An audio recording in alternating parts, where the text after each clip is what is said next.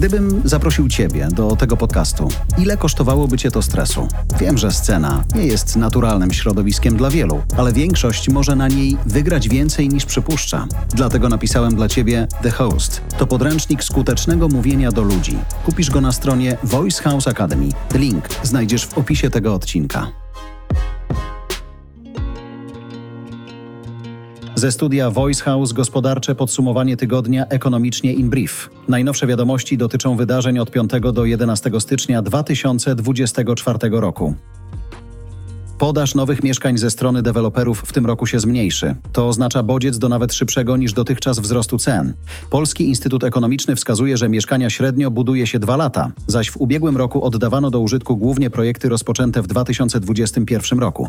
Po wybuchu wojny i wzroście stóp procentowych deweloperzy znacząco ograniczyli skalę swoich inwestycji. Tak więc w tym roku pula mieszkań gotowych do przekazania odbiorcom będzie wyraźnie mniejsza niż w 2023. Według Instytutu sięgnie ona około 200 tysięcy będzie więc najmniejsza od 2018 roku. Nic się z tym nie da zrobić. Nawet jeśli teraz deweloperzy ponownie zwiększają skalę działalności, to efekty tego na rynku zobaczymy zapewne dopiero gdzieś w drugiej połowie 2025 roku. Tymczasem już teraz mieszkania w Polsce drożeją najszybciej w całej Unii Europejskiej. Według nowych danych z Eurostatu, w czasie pierwszych trzech miesięcy obowiązywania rządowego programu dopłat do odsetek od kredytów, mieszkania w Polsce podrożały średnio o 4,5% w stosunku do poprzedniego kwartału. W skali całego całego roku podrożały średnio o 9,3%. Tutaj jesteśmy na drugim miejscu w Unii, bo wyprzedza nas Chorwacja ze wzrostem o 10,9%. Inflacja, która według prognoz ekonomistów miała w grudniu lekko wzrosnąć, zaskoczyła wszystkich. Spadła do 6,1% w skali roku. To automatycznie spowodowało także przesunięcie w dół wszystkich prognoz na ten rok. Teraz ekonomiści, a wśród nich także sam prezes MBP, zapowiadają, że w okolicach marca lub kwietnia inflacja spadnie może nawet do 2,5%. W drugiej połowie roku znowu jednak będzie rosnąć i podskoczy może nawet w okolice 8%. Konkretny zakres wzrostu trudno przewidzieć. Będzie zależeć od tego, kiedy rząd odmrozi ceny prądu i gazu oraz kiedy VAT na żywność powróci do normalnego poziomu 5%. Na razie jest obniżony do zera. Bardzo trudno przewidzieć, gdzie dokładnie będzie inflacja za rok. Dlatego raczej nie należy się spodziewać, że Rada Polityki Pieniężnej będzie obniżać w najbliższych miesiącach stopy procentowe, nawet jeśli przejściowo zobaczymy wskaźnik inflacji poniżej 3%. Na amerykańskiej giełdzie pojawiły się fundusze ETF inwestujące bezpośrednio w bitcoina. Od teraz każdy może inwestować w tę kryptowalutę na rynku regulowanym przez państwo. Nie trzeba przelewać pieniędzy do jednej z wielu firm prowadzących nieuregulowane prywatne giełdy kryptowalutowe w internecie. Poziom ryzyka związanego z inwestowaniem w bitcoina zasadniczo się zmniejszy. Oczywiście nadal obecne tu będzie spore ryzyko czysto rynkowe. Cena bitcoina zazwyczaj zmienia się w ciągu roku o co najmniej kilkadziesiąt procent w jedną lub drugą stronę. Zgodę na dopuszczenie funduszy ETF do obrotu po wielu latach odmów i sporów wydał SEC, amerykański odpowiednik naszej komisji Komisji Nadzoru Finansowego. To efekt ubiegłorocznego wyroku.